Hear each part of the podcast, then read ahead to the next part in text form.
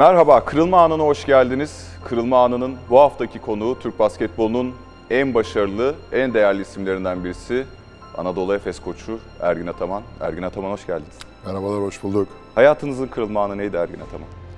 Hayatımın kırılma anı e, İtalya'dan, Siena'dan e, henüz daha e, 34 yaşındayken almış olduğum e, teklifti, transfer teklifiydi. E, bu benim için tabii ki çok önemliydi. Beni internasyonel bir antrenör e, şekline getirdi ki çok genç yaşta e, açıkçası hani beklediğim de bir teklif değildi. E, kırılma anı o olduğunu söyleyebilirim. Hayatımın kırılma anı bütün e, daha sonraki e, yani Ergin Ataman profilinin e, Avrupa'ya yayılması e, internasyonel e, başarılar hep ondan sonra geldi. Şimdi bizim seçtiğimiz hayatınızla ilgili bazı kırılma anları var. Bu anlara ama eski röportajlar üzerinden ama sosyal medya paylaşımları üzerinden seyahat edeceğiz. Eski röportajlarla başlayalım. 1997'ye gidiyoruz. Hürriyet gazetesindeki bir rö- röportaj. 13 Kasım 1997. Hedefimiz şampiyonluk. Efes Pilsen'in üstünlüğüne son vermek istiyoruz. Bunun için de tüm imkanları seferber ettik diyorsunuz. Ee, Efes gibi bir yapıdan ayrılıp çok genç yaşta tek başınıza Türk Telekom PTT'nin başına geçtiniz. Hiç korktunuz mu? Çünkü yaşıtınız olan oyuncularla çalışacaktınız. Yok hayır korkmadım çünkü Anadolu Efes'te o zamanki adıyla Efes Pilsen'de e, çok değerli bir antrenörle yani Aydın Örs'le birlikte çalışmıştım. E, 7 sene ve altyapıda e, altyapı sorumlusuydum. A takımda birinci yardımcı antrenördüm. E, ve Anadolu Efes'in Türk basketbolunda devrim yaptığı yıllarda ben hep oradaydım. Gentile'nin en başarılı. Son iki saniye, son bir saniye. Kupa bizim, kupa bizim. Şampiyonuz. Faal yapmadı, şampiyon. Yapmadı. Çok şey paylaştım, çok şey öğrenmiştim. Ee, Ama artık e, baş antrenör olarak kendimi ispat etme yani adım atmam gerekiyordu. Aslında kırılma anı dediniz e, belki de yani orası da bir kırılma, önemli bir kırılma anıydı. E, Ben daha çok internasyonel olarak düşündüm E, ama e, doğru. Yani o gün o kararı verip de Efes yardımcı antrenörüyken ve e, çok da iyi bir yani profesyonel olarak da iyi bir konumdayken e, daha 30 yaşındaydım o zaman. E, Türk Telekom PTT'de e, baş antrenörlük teklifini e, kabul etmeseydim e, belki de bu seviyelere de gelemezdim. Yani head coach olarak da gelemezdim ama hiç korkmadım, e, kabul ettim ve o takımda biliyorsun iki tane de benden büyük oyuncu vardı. Hatta onları da ben transfer etmiştim. Mirko Milicevic'te, Ricky Winslow. Şu anda Anadolu Efes'te genel menajerliğimizi yapan sportif direktörümüz Alper Yılmaz vardı. Ama hiç korkmadan başladık ve e, ayrılmış olduğum Efes'e rakip olduk. Daha ilk yılında final serisinde Efes'te e, playoff finali oynadık. Tabii ki benim için çok önemli bir e, önemli bir başlangıç oldu. İddialı karakterinizi zaten bu röportajda da ortaya koymuşsunuz genç yaşınıza rağmen. Biraz önce bir isimden bahsettiniz Alper Yılmaz. Alper Yılmaz'ı bir izleyelim. Türk Telekom'la ilgili belki tüm Türkiye'nin şaşırdığı, bizim de oyuncular olarak şaşırdığımız Mirko Milicevic vakasını anlatabilirim. İlk geldiği zaman nasıl basketbol oynayacak, basketbol oynayabilir mi, koşamaz bile bu adam dediğimiz bir adamdan maksimum verimi alabilmeyi başardı. Ve iki sene gerçekten hem Türk Telekom'u sırtında taşıdı hem de tüm basketbol severlere bizim eski basketbolcuların anlayışıyla içeriye verip dışarıdan kat ettiğim bir basketbol oyununu hayata geçirdi. Gerçekten iyi bir basketbol oynadığımızı düşünüyorum. Ergin abinin o günden bugüne kadar belki bir sürü özelliği değişti ama kazanma hırsı hiç değişmedi. Hep aynı kaldı. Umuyorum bundan sonra da kazanmaya devam eder. Mirko Milicevic çok farklı bir basketbolcu. Yani e, şimdi sizin yüzünüzde bir gülümseme var, benim yüzümde bir gülümseme var. Şurada stüdyoya girse arkadaşlar, bilmeyen arkadaşlar ya bu sporcu olabilir mi diye sorarlar ama Milicevic bu sıra dışı görüntüsüne rağmen Türk Telekom'da çok iyi iş yaptı sayenizde belki de. Sizin elinizde parlayan ya da dokunduğunuz ve değiştirdiğiniz en farklı oyuncu hangisiydi? O kadar çok oyuncu e, değişti ki ama yani Mirko'ya hemen bir parantez açıp kapatmak istiyorum. E, Apollon Patras'tan transfer etmiştik onu. E, ve benim de daha ilk baş antrenörlük deneyimim. E, bir geldi Ankara'ya 140 kilo Mirko. Tabii ben şok oldum. Yöneticiler benden daha şok oldular. Dediler ki herhalde bu genç antrenör bu işi de bilmiyor yani transfer yapmasını da bilmiyor. Tabii oyuncular işte Alper Yılmaz da e, takımda o da şok oldu. Çünkü ilk antrenmana çıktığında e, yani koşamıyordu neredeyse.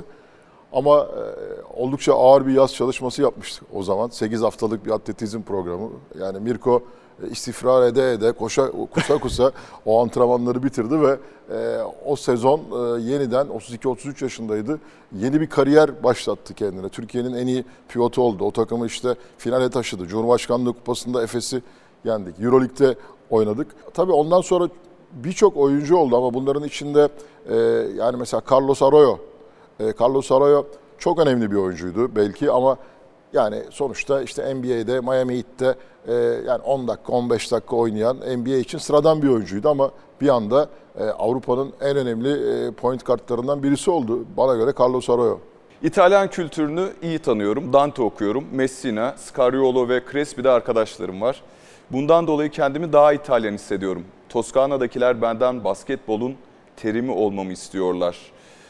İtalya'da sizi en çok ne zorladı hocam? Yani bir de gittiniz ya olmayacak dediğiniz bir an var mı? Tek başınıza kaldınız zaten İtalya'ya aşinasınız tabii ki çocukluğunuzda geçmiş.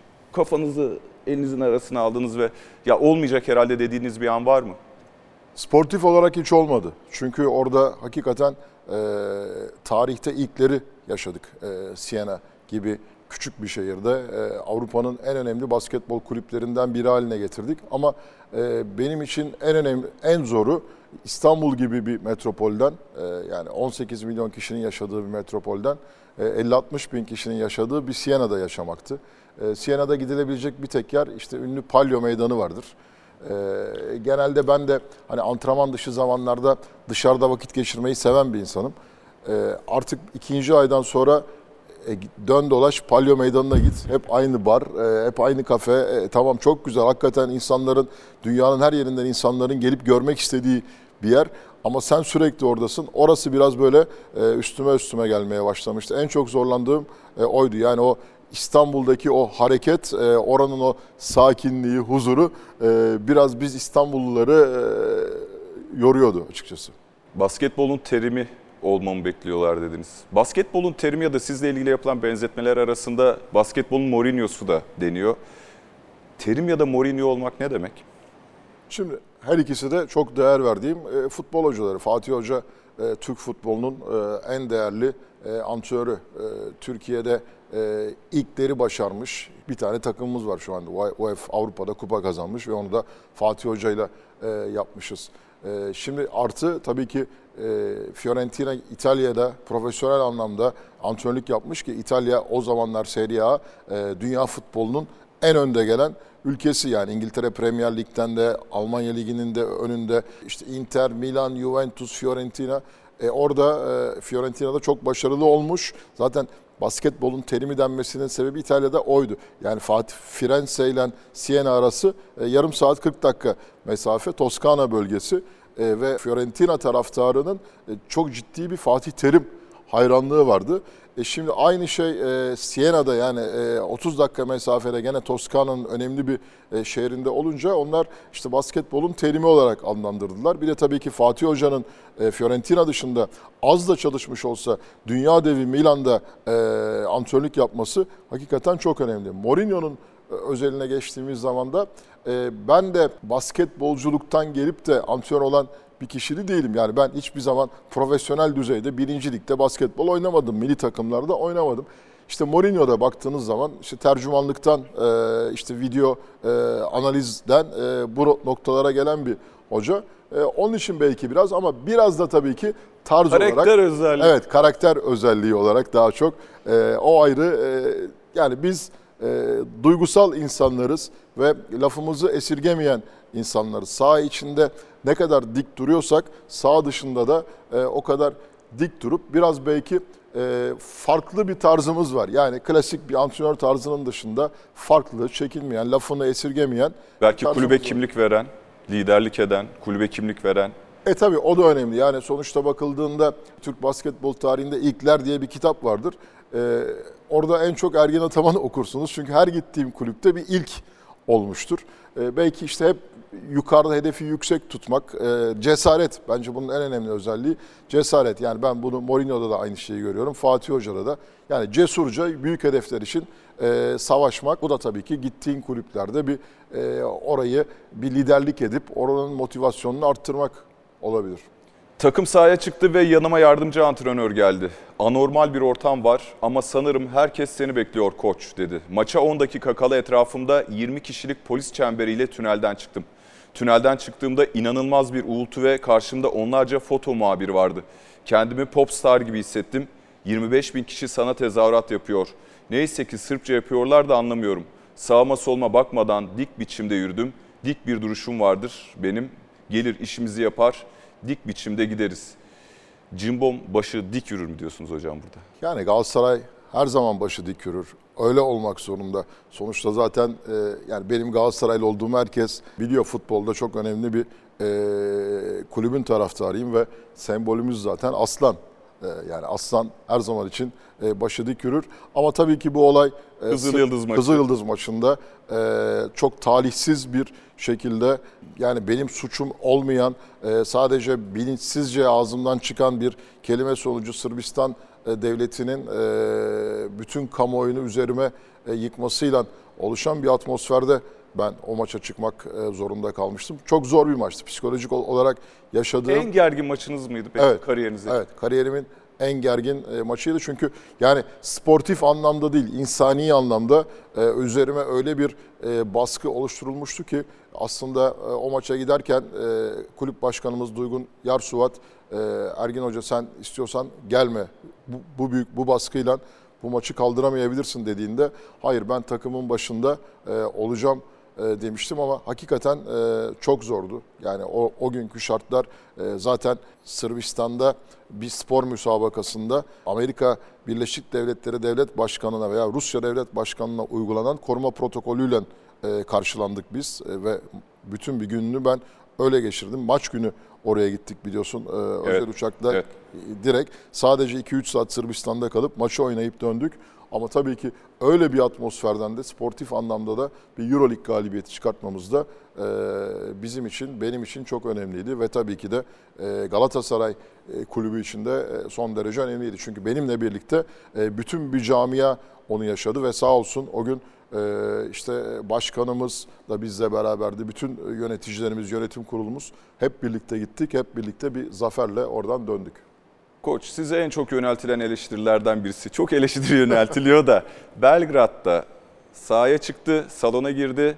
Ülker Arena'da can güvenliğim yok dedi. Gerçekten Ülker Arena'da can güvenliğinizden endişe ettiniz mi? Evet ettik.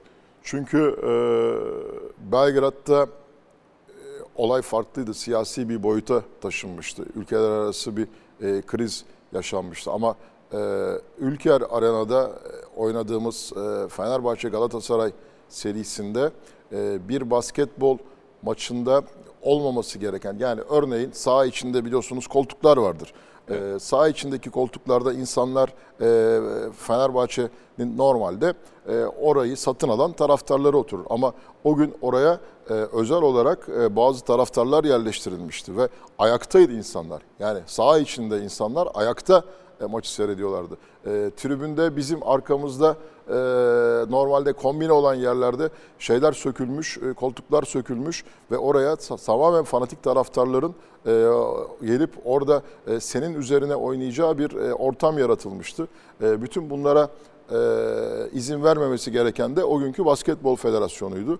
E, biz buna dikkat çekmek için o zaman e, bu söylemi yapmıştık. Yani can güvenliğimiz yok. Evet o gün orada tabii ki belki bir egzacereydi can güvenliği olay ama bir basketbol maçının e, oynanamayacağı bir atmosfer vardı orada.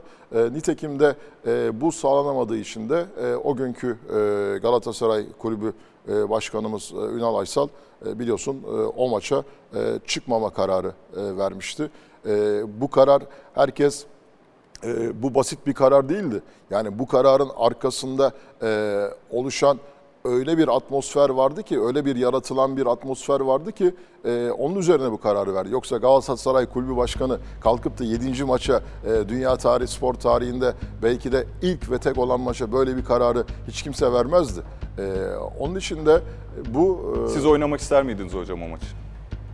E tabii ki yani şartlar e, normale döndüğü Biraz takdirde... dikkat çekmek için de mi can güvenliği vurgusunu yaptınız?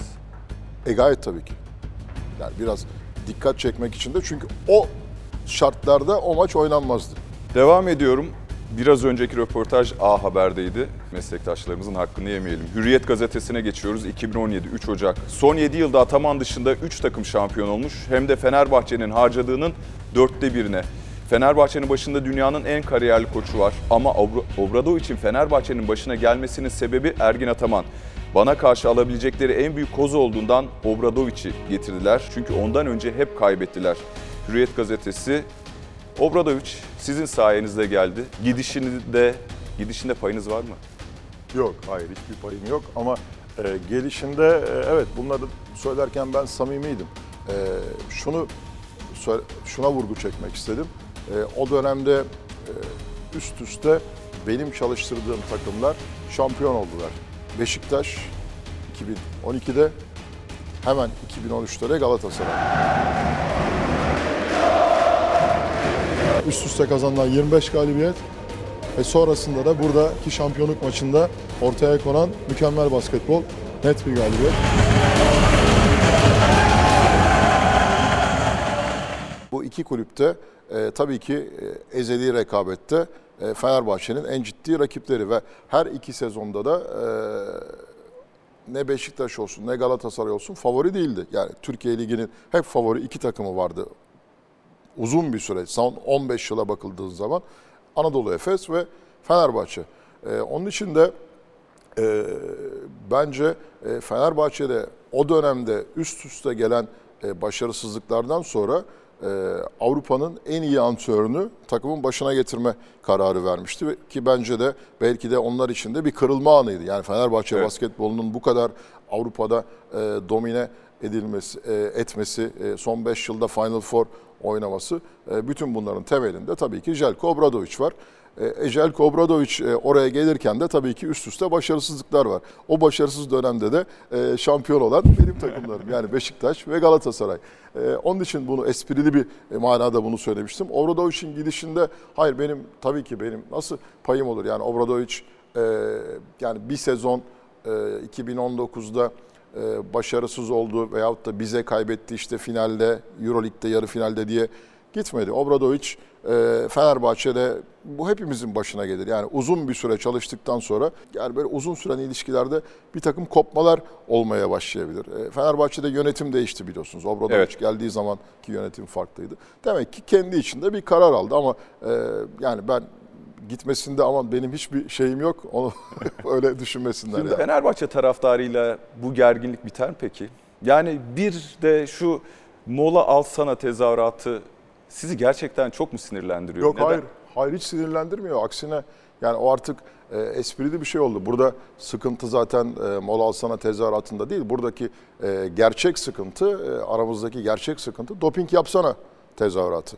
E, Fenerbahçeliler nasıl ki yapmadıkları bir e, çok büyük bir e, futboldaki bir olay karşısında e, başka sahalara gittiklerinde onlara bir tezahürat yapılıyorsa e, yapmadıkları olayla alakalı, aklandıkları bir olayla alakalı buna karşı nasıl ki tepki veriyorlarsa e, ben de e, aynı şey yani.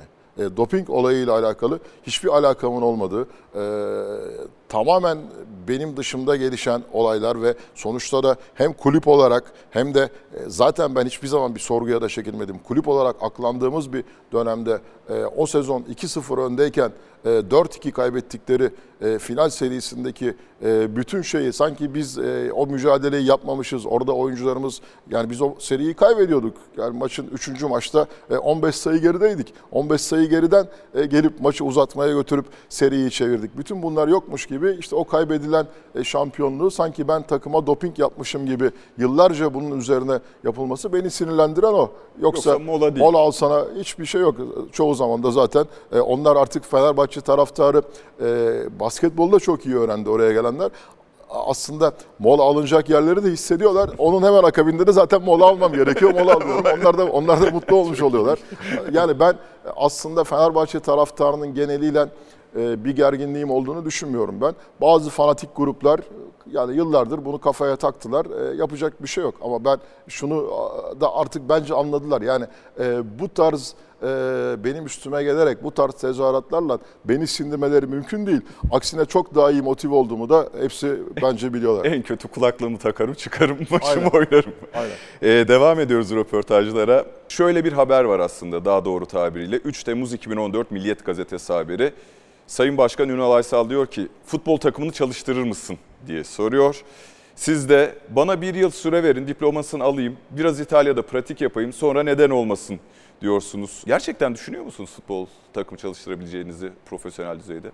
Valla o gün düşünüyordum. Yani Ünal Aysal e, aslında şöyle yani söylediği zaman düşündüm. Çünkü ben Ünal Aysal'a e, basketbol takımındaki yatırımı e, devam ettirebilmek, işte transferler için gittiğimde o dönemde bir e, futbolda teknik direktör arayışı vardı Ünal Aysal'ın ve e, Avrupa'nın her yerinden menajerler antrenör teklif ediyorlardı. Ama bir türlü aradığı ismi bulamıyordu. E, o anda bana e, ben de işte bir sezon önce Galatasaray'da biz şampiyon olmuştuk. Evet. E, 27 yıl sonra.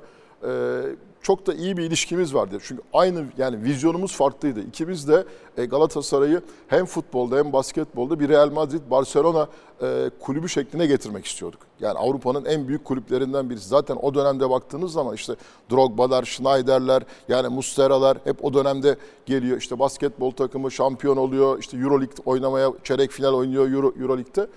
E, şöyle bir durdu ve e, sen dedi futbol antrenörlüğü gel seni yapalım dedi. Ben tabii şaka şaka yapıyor zannettim. Yok dedi ben ciddiyim dedi. E şimdi yani nasıl yapayım şimdi bir kere lisansım yok. İkincisi tamam belki bir liderlik etme, bir manage etme şeyim var ama futbolunda bir tekniği var. E, o zaman e, bana izin verin ben yani bunun neyse prosedürü bir iki sene e, bunun e, kurslarına katılayım. İşte İtalya'da e, tanıdığım spor cami en iyi oradaki hatta e, Firenze'de şimdi ismini hatırlamayacağım çok önemli bir futbol antrenör okulu var. E, hatta o okulun da işte eğitmenleri işte Mancini, Prandelli hepsi de çok iyi tanıdığım insanlar. Dedim ki bir konuşayım onlarla hani bir farklılık yaratayım. Gideyim orada bir sene eğitim göreyim. Burada geleyim federasyondan bir e, kursa gireyim. E, ama Allah'tan ona girmemişim. Çünkü Ünal Başkan bana bunu teklif ettikten iki ay sonra e, görevi bıraktı. Ortada kalırdım ben. Basketbol antrenörlüğüm de biterdi. Futbol maçı seyrederken eğlencelik mi seyrediyorsunuz yoksa kafada ya ben böyle yapardım futbol maçlarını biraz daha böyle taktiksel e, oyun üzerinden değerlendiriyor musunuz? Ya açıkçası ben yani futbolda basketbol kadar yoğun bir taktik olduğunu düşünmüyorum. Ee, evet bazı düzenlemeler var işte 4-3-3 işte 3-5-2 gibi işte takımların yaptıkları baskılar var. Evet bazen taktiksel anlamda e, düşünüyorum ve özellikle de antrenman metodu olarak çok farklı olduğumuzu görüyorum. Yani basketbol antrenmanlarıyla futbol antrenmanlarını çünkü zaman zaman izliyorum, takip ediyorum. E, oralarda yani futbol antrenmanlarının da e, basketbol gibi e, yapılabileceğini e, düşünüyorum. E, bir de tabii ki hani e, bizde hep şu vardır uzun yıllar biliyorsun işte futbolda haftada iki maç olduğunda ya herkes yorgun Evet, evet. hemen bir rotasyona gidilir işte oyuncular dinlendirilir. E, buna da pek e, açıkçası anlam veremiyorum ben çünkü yani basketbolda çok yoğun temasın olduğu, çok yoğun performansın e, gerektiği bir sporda.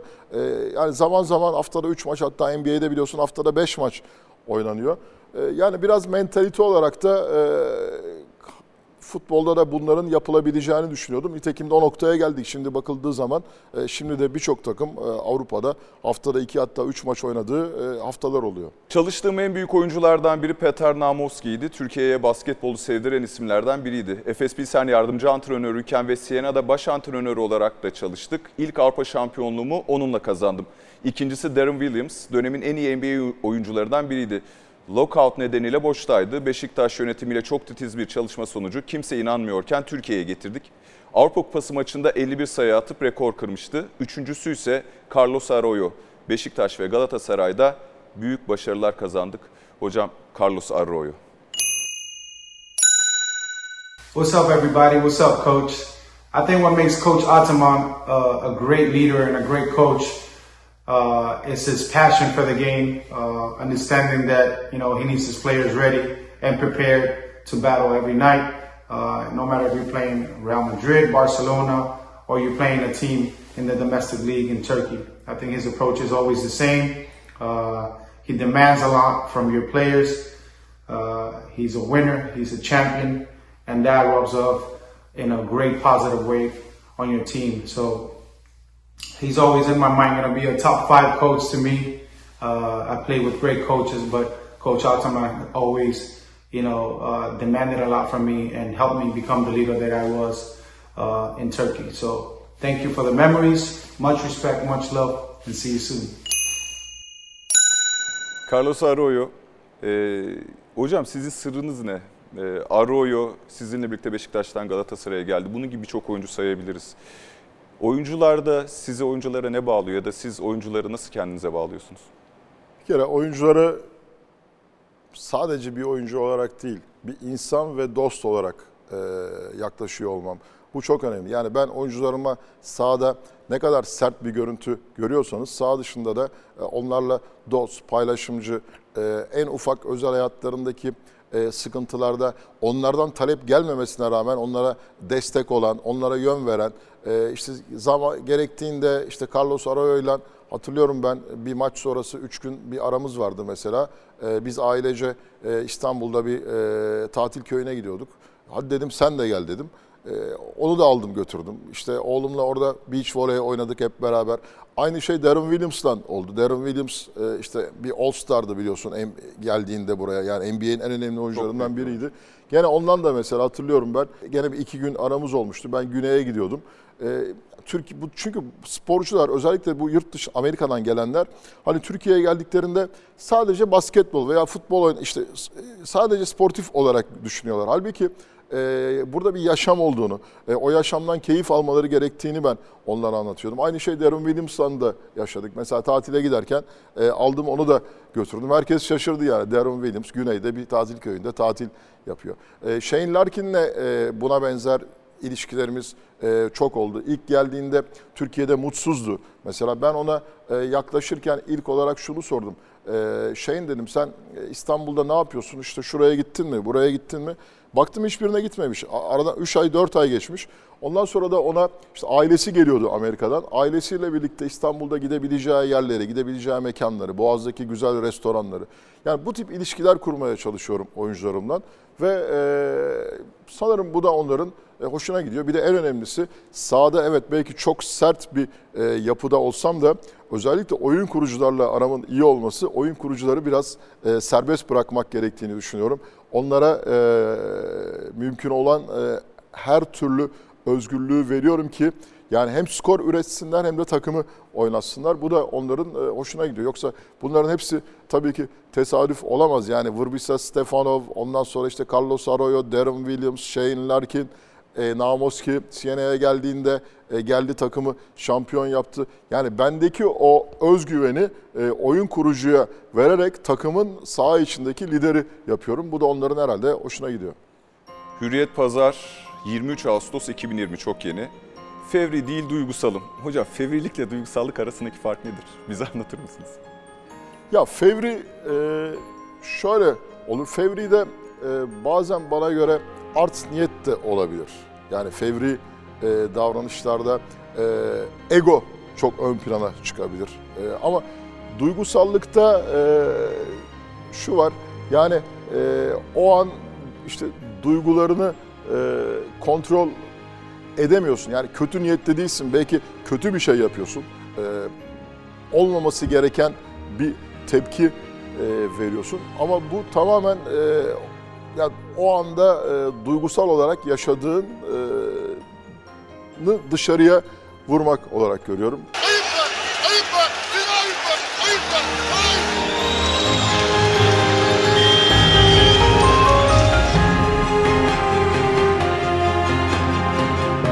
Açıkçası de incelemedim, fevri değilim. Bazen de böyle hani konuşurken... Söylediğimin arkasında.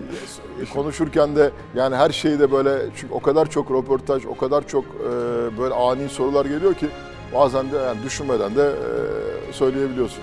Hocam sosyal medyaya geçiyoruz. Hazır mısınız? Eyvah. Sosyal medyayı kapattım ben bu arada. Biliyorum. Bunlar eskiden kalmalar olabilir. Ergin Ataman hakkında sosyal medyada yer alanlar. 1 Haziran 2016'da sizinle ilgili yazılan bir şey. Avrupa'nın en iyi koçu Obradovic'tir. Bunu tartışmam ama Ergin Ataman da ilk beştedir. Aydın Örs'ün de tek veliahtıdır. Obradoviç en iyi koç mudur tartışır mısınız? Ya şimdi aslında bu kıyaslamalar bana göre e, ya çok güncel. Yani Obradoviç Avrupa'nın en kariyerli koçudur. E, 9 tane Euroleague şampiyonluğu var. Ama yani koçlukta veyahut da antrenörlükte e, güncel yani ben şimdi geçmişte kazandığım başarılarla e, övünemem. Önemli olan bugün ne yaptığın, sezon sonunda ne yaptındır. Onun için de zaten biliyorsun her sene yılın koçu Evet. seçilir. E, o açıdan yani Obradoviç şu anda evet Avrupa'nın en kariyerli koçudur.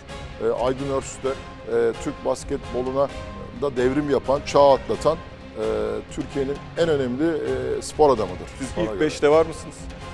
Ya ben Tarih şimdi- değil şu anda. Yok ilk 5'te ol- olduğumu ben düş... Evet son 2 senede evet. Yani son 2 sezon baktığında zaten Euroleague'de e, final oynamışız. E, geçen sene de Euroligi domine etmişiz. Demek ki Avrupa'nın ilk 5'inde değil ilk ikisindeyim son 2 sezon. Ama genel anlamda bakıldığı zaman şu anda e, yani Itudis var, Pablo Lasso var, e, David Platt var, Barzokas var. Yani Euroleague şampiyonluğu olan Evet. birçok antrenör var. Onun için yani ama son 2 yıla bakıldığında Avrupa'nın e, en iyi, en başarılı iki koşumdan e, biri olduğum istatistiksel olarak e, ortada.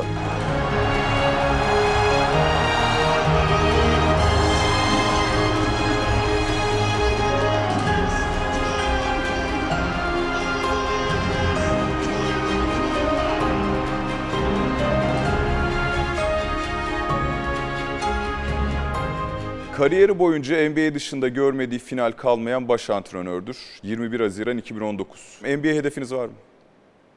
Var ama gerçekleşeceğini düşünmüyorum çünkü NBA'de e, farklı bir akım var. E, yani benden önce ben e, hani bugün NBA'ye bakıldığı zaman biraz güncel bir cevap vereyim. NBA'de işte 4 takım 5 takım koç arıyor biliyorsunuz. Bir değişiklik Evet. oldu. E şimdi Jelko Obradović Avrupa'nın en kariyerli e, antrenörü. 9 tane Euroleague şampiyonluğu var. E, gelip de Jelko Obradović'e bir e, teklif geldiğini görmüyoruz, duymuyoruz. E, Onun için benden önce ben e, Jelko Obradović'in oraya gitmesini bekliyorum.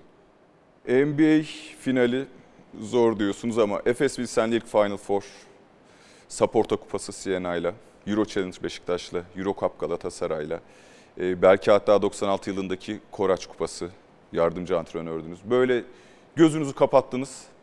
Aklınıza basketbol kariyerinizle ilgili gelen şey ne? Siena ile e, şimdiki Euro Cup müdahili olan e, Saporta Kupası şampiyonluğu.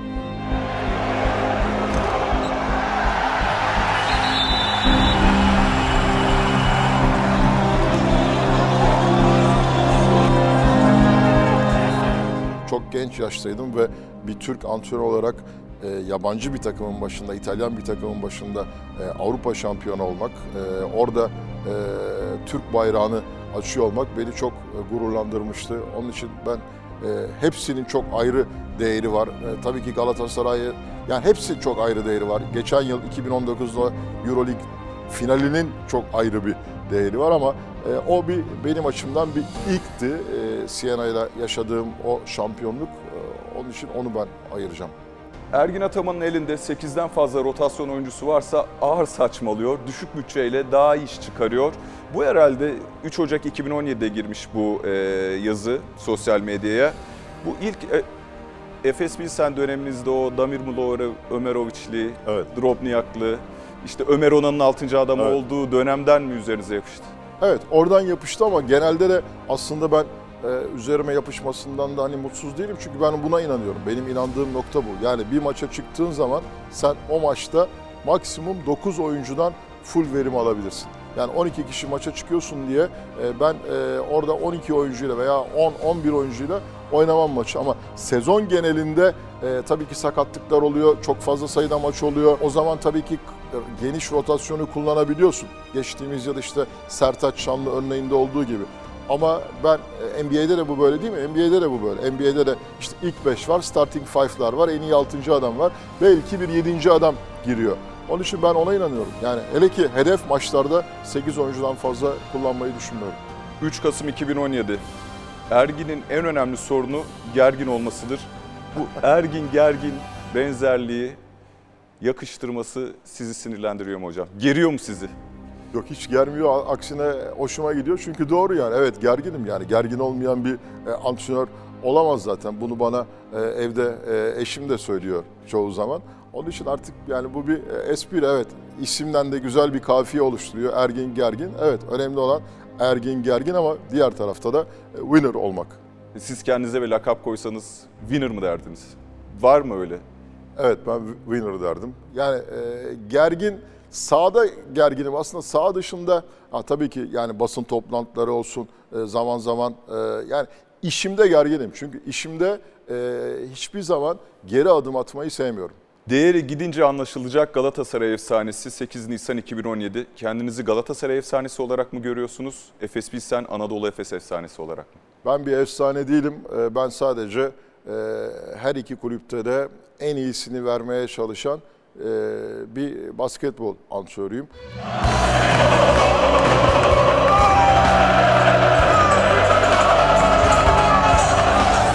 Euro Cup şampiyonu 2016 Galatasaray hocaya bak. o camiaların e, önemli e, taraftarları e, böyle düşünenler varsa onlara da ben e, teşekkür ediyorum. E, bunlar inşallah ileride daha fazla değer görürüz diyorum ama kendimi bir efsane olarak görmüyorum. Adam Karşıyaka tribününden, Beşiktaş tribününden, Fenerbahçe tribününden ve sonunda taraftarı olduğu Galatasaray tribününden küfür yedi. Ancak sorsan kendisinde hiç suç yok. Suç hep başkasında. 9 Haziran 2019. Hocam sportif rekabete ters düştüğünüz Fenerbahçe taraftarıyla gergin olmanız doğal. Neden diğer taraftarlarla da gerginlik yaşıyorsunuz? Öz eleştiri yapıyor musunuz?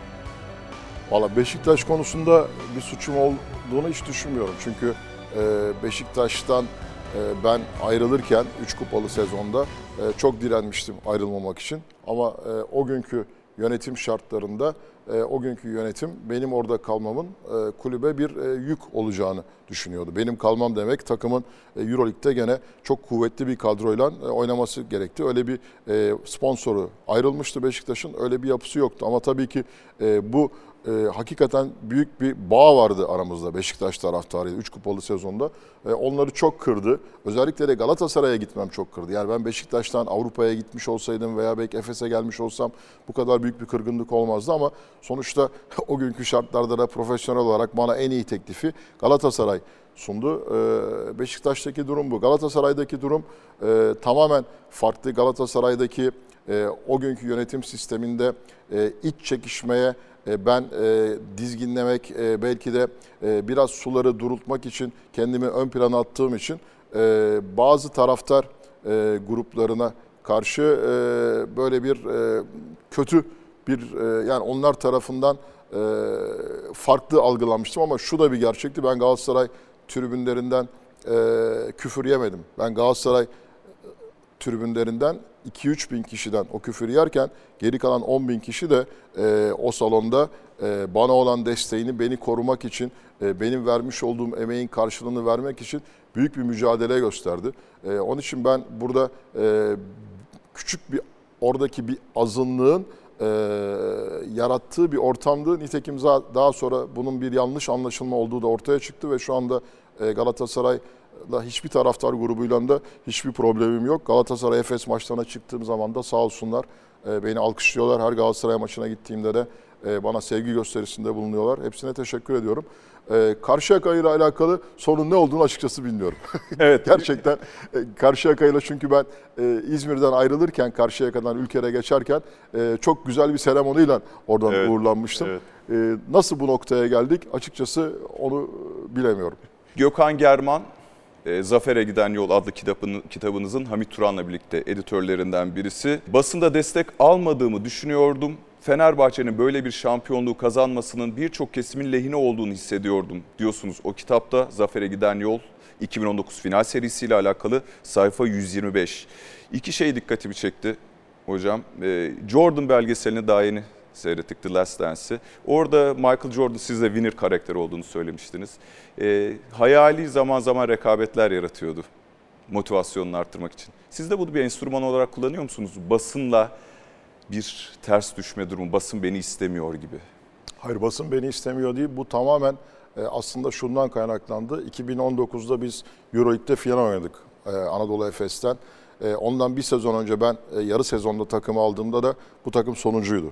Yani sonunculuktan Avrupa'nın en büyük kupasında sonunculuktan bir sezon içerisinde finale gelme e, başarısı Avrupa spor tarihinde belki olmayan, hiç olmayan bir başarıydı. Ama e, o finalden sonra e, Türkiye'de basın bunu konuşacağına Fenerbahçe taraftarıyla benim aramda geçen gerginliği konuştu günlerce. E, aynı şekilde final serisine gelindiğinde de gene tabii ki o gerginlik final serisine de yansıdı. E, final serisinde de çok ciddi bir gerginlik oldu ama e, takımın müthiş bir özellikle de son maçta müthiş bir basketbollan işte 18-19 sayı farklan 7. maçta Fenerbahçe'yi yendi ve şampiyon oldu. O gün ben basın toplantısına girmiş olsaydım gene bu sefer Fenerbahçe taraftarıyla çünkü Türkiye'de basın bunlarla besleniyor. Yani ben bunu maalesef görüyorum. Televizyon programların birçok spor programında da bunu görüyorum. Sahada oynanan oyun, sporcuların vermiş olduğu emek, sahada yapılan taktikler bunlar konuşulmuyor. İşte yöneticilerle, antrenörlerle, hakemle olan sürekli diyaloglar konuşuluyor. Ben de bunu gölgede bırakmamak için e, o gün şampiyon olduktan sonra e, basın toplantısına e, katılmadım ve basından da uzun bir süre konuşmadım. Bu tamamen e, final serisi sonrası e, Türkiye'de basının yarattığı e, ortamdan dolayıydı. E, tabii ki bir ger- gerçekte şu var yani bugün Fenerbahçe, Galatasaray, Beşiktaş'ın e, futbolda veya basketbolda şampiyon olması her zaman için Türkiye'de daha fazla reyting Tiraj. yapan, tiraj yapan bir unsur. Zafer'e giden yol kitabı bu ve bunun gibi bilinmeyen birçok konuyu anlatıyor kariyeriyle ilgili. Ergin Ataman yeni çıktı. Alıp okuyabilirsiniz. Şimdi fotoğraflara geçiyoruz. Fotoğrafları Ergin Ataman'ın kendisi seçti. İlk önce bir aile fotoğrafı. Bir fotoğrafımız daha var bunun üzerine. İki kimlik görüyoruz. Baba Ergin Ataman'la çocuk Ergin Ataman. Baba Ergin Ataman'ın içinde çocukluktan ne kaldı? Hangi rolü daha çok seviyorsunuz hocam? Baba olmak mı, çocuk olmak mı? Çocuk olmak daha güzel herhalde. Babana e, her istediğini e, yaptırabiliyorsun. E, bizde tabii benim e, üç tane çocuğum var. E, iki kızım e, Ceren ve Gizem. E, o fotoğrafta da zaten onların e, mezuniyet törenleri e, liseden. Şimdi de e, University of Miami'de okuyorlar. E, onlarla tabii ki gurur duyuyorum. Ama diğer tarafta da işte e, küçük oğlan e, Sarp. O da e, ailemizin e, neşesi tam bir spor aşığı, basketbol aşığı ve hakikaten de sürekli olarak e, işte seni basket spora çeken, e, evde sürekli spor konuşan e, bir neşe kaynağı. E, o açıdan tabii ki e, çocuk olmak daha güzel. Siz baba olarak e, maddi manevi e, onların e, bütün sorumluluğu sizin üzerinizde. E, bir de tabii ilk aile fotoğrafında e, annemle babam var. Onlar da e, 80 yaşın üzerindeler. E, geçtiğimiz yaza kadar e, her yaz geleneksel olarak bir e, yurt dışı özellikle İtalya'da biz uzun dönem yaşadık. Ben orada işte ilkokul okudum. E, ama artık annem babam kendileri gidemedikleri için e, her yaz ben onları alıp bir hafta 10 gün mutlaka o geçmişte yaşadığımız yerlere götürüp orada birlikte bir bir hafta 10 günlük tatil yapıyorduk. Bu da çok güzeldi. Bu sene maalesef işte pandemi sebebiyle gidemedik. Yani tabii ki e, işteki o e, yoğun e, dönem içerisinde e, ailede de mutlaka sorumluluklarımız var onları e, da yapmaya çalışıyoruz. E, Bir fotoğrafta, diğer bir fotoğrafta da işte Galatasaray maçında oğlum Sarp'la tribünde fotoğrafımız var. E, Bu da bizim çok keyif aldığımız e, yani işte hobilerimizin başında da futbol maçları özellikle de Galatasaray maçlarında işte sevgili Bahattin Demirbilek'le, e, Cem Kınay'la beraber e, o maçlarda hem arkadaşlarla hem de e, Galatasaray'a destek olmaya çalışıyoruz. Son bölüme geldik. Cümle tamamlama bölümü. Ergin Hocam burada size kısa sorular soracağım ya da soru da sormayacağım. Cümleyi boş bırakacağım. Artık alışmışsınızdır son Şey var bölüme. mı? Ödül var mı? Ödül, ödül, ödül yok. Ee, keşke yapmasaydım. Hiç keşke yapmasaydım dediğim e, bir şey yok. Hayatımda yaptığım her şeyin e, arkasındayım. E, zaman zaman hata da yapmış olabilirim ama hatasız insan olmaz. Keşke yapmasaydım dediğim hiçbir şey yok. Keşke söylemeseydin. duygusal olarak A milli takım antrenörüyken e, Fenerbahçe Kulübü Başkanı Sayın e, Aziz Yıldırım'a karşı bir söylemim olmuştu. Milli takımın basın toplantısında. Şu anda bunu tekrar söylemek istemiyorum. E, ama e, biraz fevri bir davranıştı.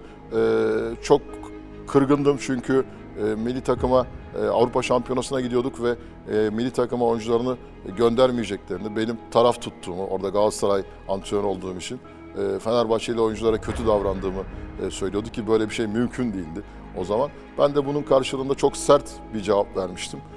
Evet keşke söylemeseydim çünkü sonuçta benim bir büyüğüm. Her zaman onunla e, karşı karşıya geldik. Birçok yerde karşı karşıya geldik. Hep bir rekabet yani e, karşı böyle bir kutuplaşma oldu. Ama sonuçta bir büyüğüm, çok önemli bir e, kulübün başkanı. E, o açıdan da onu söylememem gerektiğini düşünüyorum. Ee, Ergin Ataman'ı en çok ne güldürür? Valla en çok güldüren e, sakarlıklar. Ne sinirlendirir? En çok sinirlendiren beni insanların e, lakaytliği, En sevdiğiniz kelime? mücadele, En nefret ettiğiniz? tembellik, Ne heyecanlandırır? şampiyonluk, En önemli kusurunuz nedir? duygusallık. Fevrilik mi yoksa? Yok, Fener'i çıkardım. Kahramanınız kim? Aydın Örs. En son ne zaman ve neden ağladınız? En son e, geçtiğimiz yıl e, çok sevdiğim bir aile büyüğüm, eniştemi kaybettim. E, o zaman ağladım. Kırılma anının sonuna geldik. Teşekkürler. Gelecek hafta görüşmek üzere.